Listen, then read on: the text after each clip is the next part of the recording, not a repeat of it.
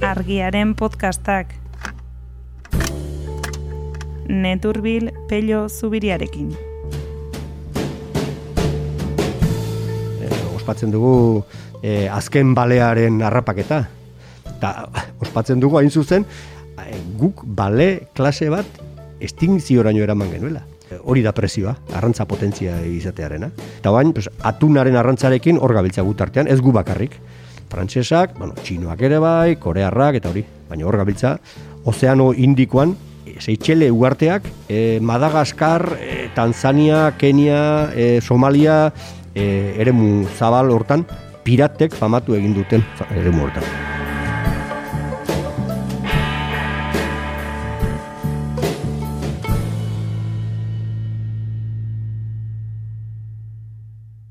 Egunon, pello, kaixo, Kaixo, benaritz? Eta entzulei ere, Eta egunon. kaixo dagoen entzule hori? E, kaixo, ongi etorri, argiaren podcast saiora, zer moduz? Jarki, jarki. Ez zuek bezain ondo, kastiak bezain ondo, baina. ondo. Bueno, hori bakoitza daki, Ondo, ez? Nola, ondo, ondo. nola da bilen. Gustoa.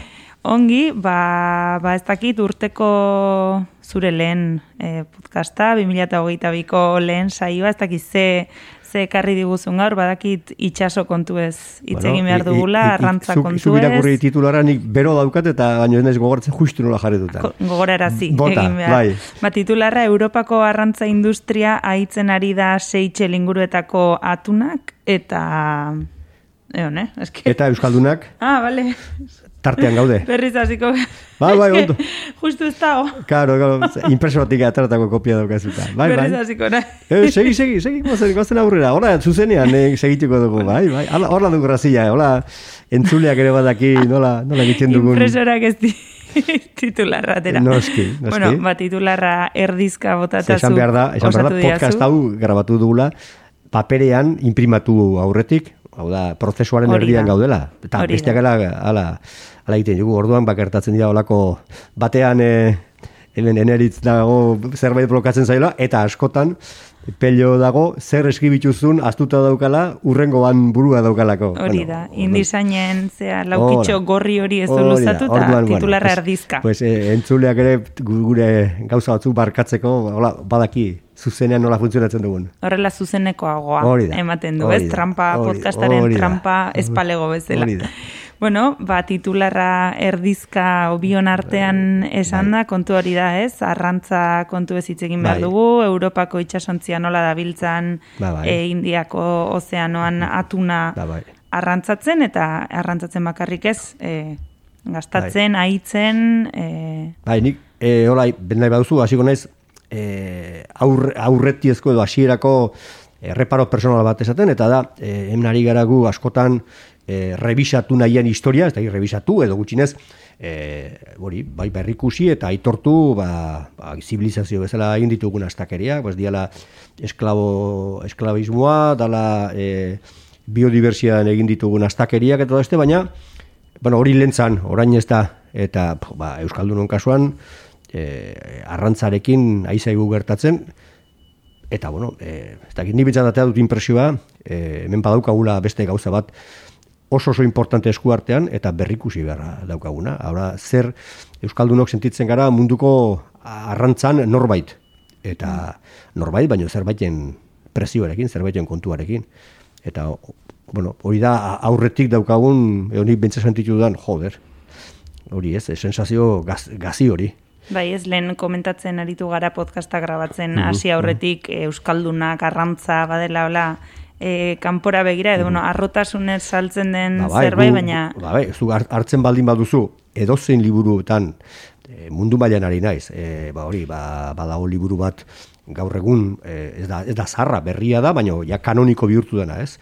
E, itxasoaren e, historia ez e, kontatua, edo ez konbentzionala, ditzen dena, ez, ez esana, eta eta da munduaren e, histo- e, arrantzak munduan zehar edo historian zehar egin duen e, evoluzioa. Eta Euskaldunok agertzen gara, adibidez, balearen arrantza, arrantzan, hor gara, erreferentzietako bat, gu izan gara, aitzindariak. Baina, e, eta ospatzen dugu, eh, ospatzen dugu e, azken balearen harrapaketa. Eta ospatzen dugu hain zuzen, e, guk bale klase bat estingzioraino eraman genuela. Orduan, e, bueno, eusk- e, hori da presioa, arrantza potentzia izatearena. Eta gero, ba, bakaila utan horri bili ginen, da badakigu, ze historia, oan dela gutxi publikatu da beste liburu bat, e, e, asko publikatu dira lehendik, e, Euskaldunak eta bakailaua, eta hori. Eta bain, pues, atunaren arrantzarekin hor gabiltza gutartean, ez gu bakarrik. Frantsesak, bueno, txinoak ere bai, korearrak, eta hori. Baina hor gabiltza, ozeano indikoan, e, Seychelle ugarteak, e, Madagaskar, e, Tanzania, Kenia, e, Somalia, e, eremu zabal hortan, piratek famatu egin duten eremu hortan. Eta pixkat ikusten da ertz asko izan litzakela e, gaiak, Bai. e, aztertu litezkela, baina pixkat abia puntura itzulita ez, albistean nundik jorratzen hasi zaren, kontua da Indiako ozeano hortan, e, itxaso horietan, Somalia, Tanzan, horren inguru horietan atuna e, agortzen ari dela, Bai. e, arrantza intentsiboaren ondorioz. Bai. Horrek sortu du pixkat alarma edo hortik Bai. hasi da... Bueno, hazt- hasten da nire aldetik, e, nik tarteka segitzen dut, bueno, pentsatzen dut, irakurleak, bakoitzak hemen segitzen ditugu gure iturriak eta gure edabideak, badago bat ingurumen e, gaietan, e, ONG-en eta mundu horren jarrepen handi egiten duna, eta batez ere ba, Asia, Afrika, Amazonia, Amerika, inguru hortako, pues, normalean, desastrez betetako eh, albisteak etortzen dira. Mongabai izenekoa du eh, eh, aldizkari edo web horrek, eta interesantea da. Eta, bueno, horietako batean, e, urtarrileko lehen da biziko egunetan, publikatu dute 2000 eta hogeita biko urtarrilean publikatu dute. 2000 eta hogeita batean gehien sonatuak izan diren gure erreportajeak. Eta batzan, e, aipatzen dugun gai hau. Eta pentsatzen duzu. To, e, munduan behintzat inguru batean, e, ingurumenaz eta ekologiaz eta estintzioaz eta eta injustizia klimatikoaz eta bar kezkatzen da jende baten artean oi hartzun izan du gai honek eta gu ez garanteatu. Bueno, pues, hort- hortik abiatzen da e, gaia. Eta gaia da e, Europako arrantza industrial flota ari dela e, norabait e, suntsitzen e, ozeano indikoan, o indiako ozeanoan, esan dugun leku hortan, ez? E, e, Afrikatik e, eskuinera, Afrikatik e, indiarako bidean gelditzen den e, Afrika, be, e, ezkerretik ez Afrika, goi aldetik e, daukazu Arabia eta gero gora hau izango dira Iran eta bar, Seychelleak, e, Maldibak, Reunion, Madagaskar, zona hortan. Hor dago atun bat, e, atun egatz horia, e, deitzen dena, eta e, gure flotek, Europako e, flota industrialek, e, bueno, ja aitzen, aitu direnean gure e, urbileko atun e, erreserba handienak, ba, puska hundien bila jo dute pues, leku askotara, e, Pazifikora, Atlantikon beste lekutara, eta hor arkitu dute leku bat, ez da gaurko kontua. Hau da, Seychelletan dabiltzala Europarrak, badira lau bost amarkada. Baina azken amarkada pare hontan hartu du sekulako indarra, e, bai atun harrapaketak, eta gero horri lotuta e, bertako ekologistek eta ingurumenzaleek salatzen duten kutsadura handia e, bapore hoiek, bapore erraldoi hoiek, uzten dituzten e, tramankulu plastiko eta barrengatik. Ze kokatu behar dugu arrantza mota batez ari garela e, intentsiboa dena, ez? Bai. E, kantitate handietan sekulako itsasontziak pentsatzen dut ez dela hemengo itsasontzi txikiak doazela Ez, ez, ez. e, hango Bueno, itsasora, guk ez? hemengo telebistetan ikusten ditugu, tarteka badago botadura bat, edo Bilbon, edo, edo Urdaibai itxasadarrean enun bait, eta da e, munduko atun vapore aurreratuena, e, edo ari arekin paraleloan ibiliko dan e, itxasontzi faktoriaren e, botadura eta bago, eta euskaldunak e, bagoaz beti e, ingenieriz beteta, euskaldunok ingenieria gera arrazaz eta orduan e, e, guk dauzkagu beti vapore aurreratuenak eta bar ikusten ditugu. Bueno, ba, hoiek asko joan dira leku leku hietara. Eta horrari dira arrantzatzen gero Europako e, supermerkatuetan latatan edo potetan arkituko dugun atun e, gehien hori. Eta e, ezer jakin Bai. gabe, gai honi buruz asko jakin gabe, e, noren baimenarekin, nola e, Bueno, batean Europar batzorde, Europar batasuneko itxasontziak doaz itxaso batera, hango gobernuarekin tratu badago, nola nola funtzionatzen du itxasoko bueno, ba, nik, legediak? E, nik, hola, pixka bat detalle gehiago nahi dituen irakurrari izango nioke, gero e, interneten egongo denen artikulu hau, loturak egongo direla e, monga baieren eta enez gogoratzen hor badago kazetari indiar bat egile, egile hau izen komplikatua du eta ez du lortu ikastea buruz. E, hau e, indiarra da e, zenbait egunkari potentetan ibili da eta bain monga bairentzako egiten du lana. Eta horrek egin dituen bi dosierretan e, agertzen dira detalle de pila bat ez? Orduan e, hor aipatzen du nola e, badago momentu gako bat, eta da, e, mila behatzireun da laroita bian izango da, e, e, berreun mila ist, e, e, zera, nazio batuen erakundeak aitortzen dienean kostaldeko herrialdei, berreun milako distantzian, e, hor barruan sartzen diran e, urak, e, direla herrialde bakoitzaren e, jabego ekonomikokoak. E? E, eta orduan, hor e, Seychellek, e, Madagaskarrek, Mauriziok, aurkitzen dute beren e, urak, uren ustiak eta e, asko hobetzeko posibilitatea. Mm. Zen eta e, berak egiten dute arrantza tradizional bat, ba, hemen atuna e, bertako baporek, ondarrebikoek edo, e, edo doniban loitzunekoek arrantzatzen zuten eta oraindik batzuk duten moduan, Horren, hoiek egiten zuten modu eh, eta segitzen dute egiten modu artisanal edo eh, oso gutxi industrializatu batean. Aldiz, e, badago beste eremu bat berreun mila eta gero inguruko urri nazioartekoetan, ba, e, aberaztasun haundi badaukana, zertan, eta atunet, atun honetan. E, atun klase bat, badauden bezala bonitoa edo egaluzea, eta eta ega laburra edo atuna, pues badago beste atun hori hori hau, yellow fish edo, ez da inola ditzen duten, yellow fin e, atuna inglesez. Eta, bueno, pues orduan herrialde horiek daukate aukera negoziatzeko atzerriko flotakin edo aldrebes, er, atzerriko flotak daukate negoziatu berra herrialde horiekin. Bueno, e, kolonialismotik atera berriak edo bentsat kolonialismo politikotik atera berri den herrialde horientzako e, da jarraipen bat eh, harreman ekonomiko in, inigual bat, desigual batena. Ez hau da, hoiek ez daukate bitartekorik e, daukaten altxor hori e, ustiatzeko eta orduan e, negoz, tratu egiten da lehenik estatuekin, Espainiaren kasuan adibidez, eta gero Espainia esartzen danean Europar batasunean, Europar batasunaren tratu handi horrekin.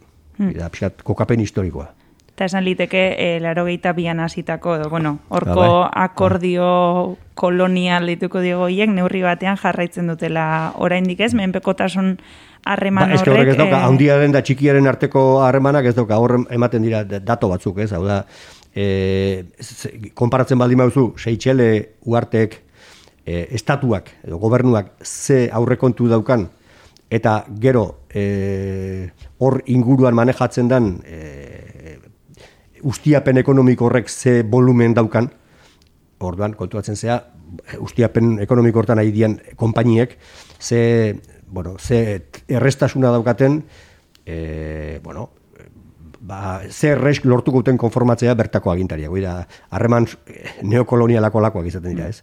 Han bertako elitearekin egiten zutratu bat, ematen diezu e, diru, diru laguntzate o diru bueno, ordain bat, bertati begiratuta oso handia dirudiena, batzuntzako, baina azkenean eh, montatu dan saltzaren erdian ezer gelditzen dena konparatuz jasan dituzten kalteak. Mm. Zezuk esan duzu ez, e, Europan atun mota honek izugarri fakturatzen duela, azkenean Europar batzordeak ateratzen duen... Mila milioi dolar eta hor ateratzen dira, pues, sortziron da berroita mar milioi euro, edo dana darakoa, faktura ziban ateratzen dana. Mm. Eta gero, harreman, e, bueno, datu batzuk ematearen momentu enten, mm. amabost itxasontzi dira Espainiako banderarekin handabiltzanak bai. arrantzuan, eta amabi frantziakoarekin, eta gero badira, e, soma, e, kasu honetan, zeitxeletako banderarekin mm. dabiltzanak, baina izatez, e, enpresa edo fabrika e, Espainiar edo ba, bai. Frantziarra direnak ez, hori ba, bai. ikusten da trampa edo, bueno. Ba, bai, bueno, e,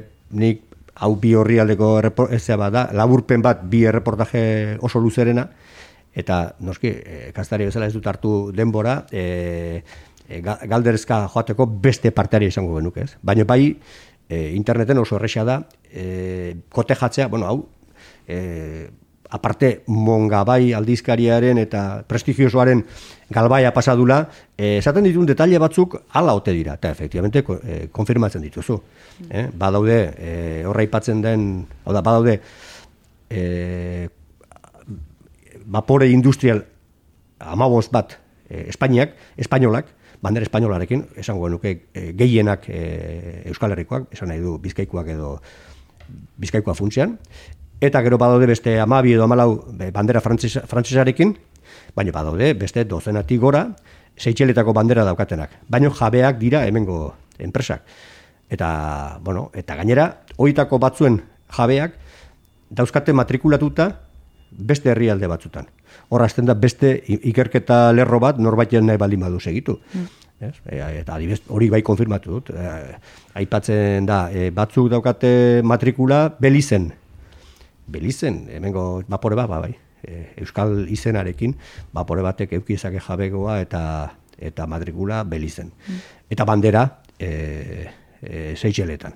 Bueno, eta orduan, ororen buru, pues horrek ematen du itxura bat kanpotik, baino e, ekologista ta elkarrizkazdari honek elkarrizketatu dituen ekologista guzti horiek eta eta bestelako ONG-tan aidian e, militantek esaten diete, bueno, baino hau hau da desastre bat gure herrialdearentzako, ze azkenean e, momentu hontan diru pixka bat jasotzen dute, Seychellek eta beste herrialdek, baina aldi berean itxasoko e, egoera guztia kontrolatu nahian dagoen agentzia publikoak, dauden limitazio guzti horiekin.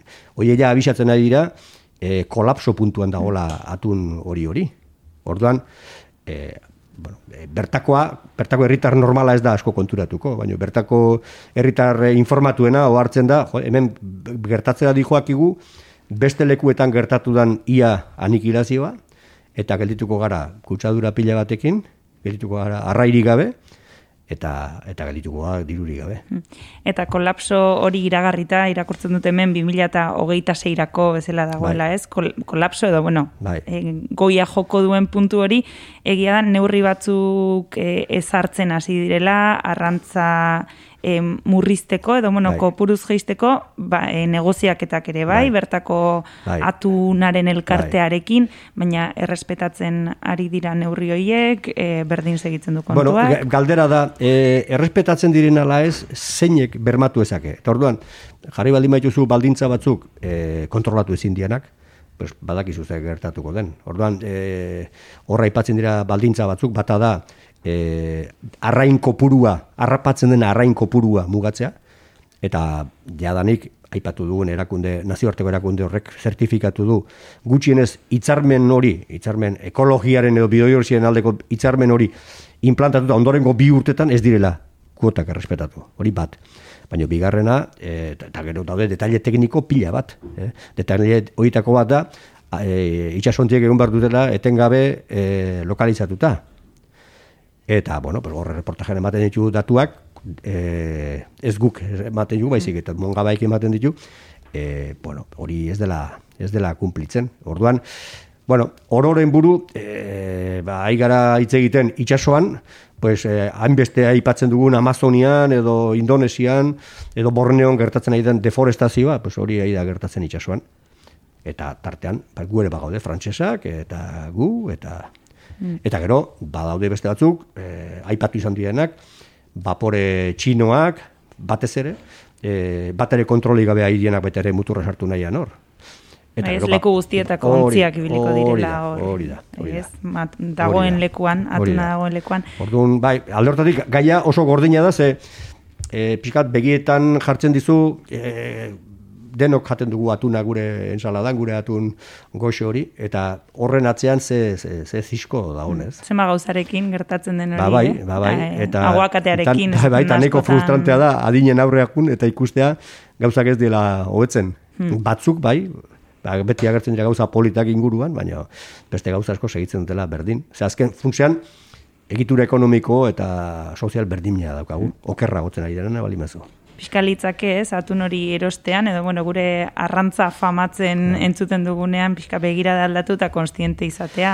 Ba, horren atzean zer dago? Bai, gertatzen da, e, konstiente izango gara, e, ba, beste gauzakin konstiente garen bezala, da, e, deforestazioa problema bat dela, e, ko- konstiente gara, e, azten dianian e, xagu xarrak ez baterako, e, dauzkat berak, berentzako e, benignoak dian e, virusak pasatzen, ba, ala gertatu zen xagu xarrak aipatzen ziren eta tximuak eta ebolaren kasuan, eta et, eta hala ida gertatzen orain daukagun koronavirus honekin. Baina gerta zaplasteko hartu arte ez dugu es- es- espabilatzen. Ta gero ere ez dago demostratuta espabilatuko garenik. Hori ikusi da. Honek erakusten duna da nolabait e, gure eguneroko elikagaia ere badagola e, esplotazio horri lotuta. Orduan, salida ere oso, horreixa ez dago. Ze, arrantzontzuiek ez bali madoa zara, e, gu ez dugu atunik jango. Eta atuna esaten dugunean, da beste mila arrai jango ditugunak guk e, erosita. Orduan, bueno, bentsat, e, e, itzegin inberko genukela Euskaldunok edo, edo Europarrok ere hortaz, ez? E, nola, nola dagon, a ber, aipatzen da elikadura soberanotasuna, baina nola dagon gure elikadura antolatuta, ze azkenean, a ber, gertatu behar duen guk jan alizateko e, justifikatuko dugula gure soldadua jutea edozein lekutara txikizibak egitera. Hmm, kolonialismoa mantentzea Bueno, de hecho, hori da beste gai bat honekin lotuta dagona, eta da e, pirateria aipatzen da askotan. Somalian eta inguruan da gertatzen den pirateria. Pirateria hori e, piratei justifikaziorik eban gabe, ez da, ez da ulertzen, ez baldin bada ikusten e, si- situazio hori. Hau da, e, bertako arrantzalek daukaten gero eta problema handiagoa garraia lortzeko, gehi ikusten dutela urria, muturren aurrean, gehi gertatzen ari dan txikizioa. Orduan, horren erantzuna da, e, segurtasun konpainiak egotea ja sartuta e, barkuetan, eta hori, e, barkuetan dabilen norbait baldin badaukazu laguna, ezaguna, entzungo diozu. E, orduan, e, azkenean, pirateriaren kontrako borroka bada ere, itsasontzien eta arrantza industrialaren imposizioaren aldeko e, operazioa. Orduan, bueno, pa, pa, pakete handi hori dago, eta hori aurkeztu dugu laburki reportaje honetan. Onak eta txarrena ez dela hain zuria eta beltza, ez? Ez, ez, Betikoa. eta, batez ere beltzak, uste baino beltzagoa diela. Beno, ba, ba hemen utziko dugu, ez? Urteko lehen e, gaia hausnartzeko, bueltak emateko, ez Hor, da hor badago larrun bat, eta, eta, Eta telebistako reportajeak, eta baino gero, baino gero joan egin behar da, inin behar da. Ze hor, bueno, bas, hor gaude sartuta, eta go diru asko, eta jende asko lanean, lanpostu asko, eta korapilo handia. Beno, eta pixkat korapilo askatzen laguntzeko ez dakizea besti ekarri dezun e, gaurko saiorako. Pues, eh, urtarrilaren erdialdean gabiltza, e, ja xoxoa, hasi da kantari, e, eta, bueno, pues hor- horrek poza ematen du, xoxoa hasten denean kantari, esaten duzu gainera, "Joi, honek ze, ze, ze ikusten du bain, normalean arrak kantatzen dute, emeak eh, engainatzeko, edo erakartzeko, edo territorio markatzeko, Eta, bueno, pues, e, kanta bat Beatlesena dena, e, Blackbird edo Xoxoa, Xoxo beltza, e, kantatuta Crosby, Nash eta, e, Crosby, Still eta Nashek, e, bueno, bersio oso famatu da, zarra, eta kantatze dute ia kapela bakarrik e, gita, gitarra batekin. eh? Eta esaten diote, ba, Xoxoari, e, nolabait, e, ire egal hautsi eta guzti e, e, egintzak egan, sa- saiadi egan egiten. Eta, bueno, polita da. Oso ondo, ba, horrekin utziko ditugu entzuleak, eta hemendik e, pare bat astera elkartuko gara berriro. Eskerrik asko, pello. Aio beneritz, aio entzule hori.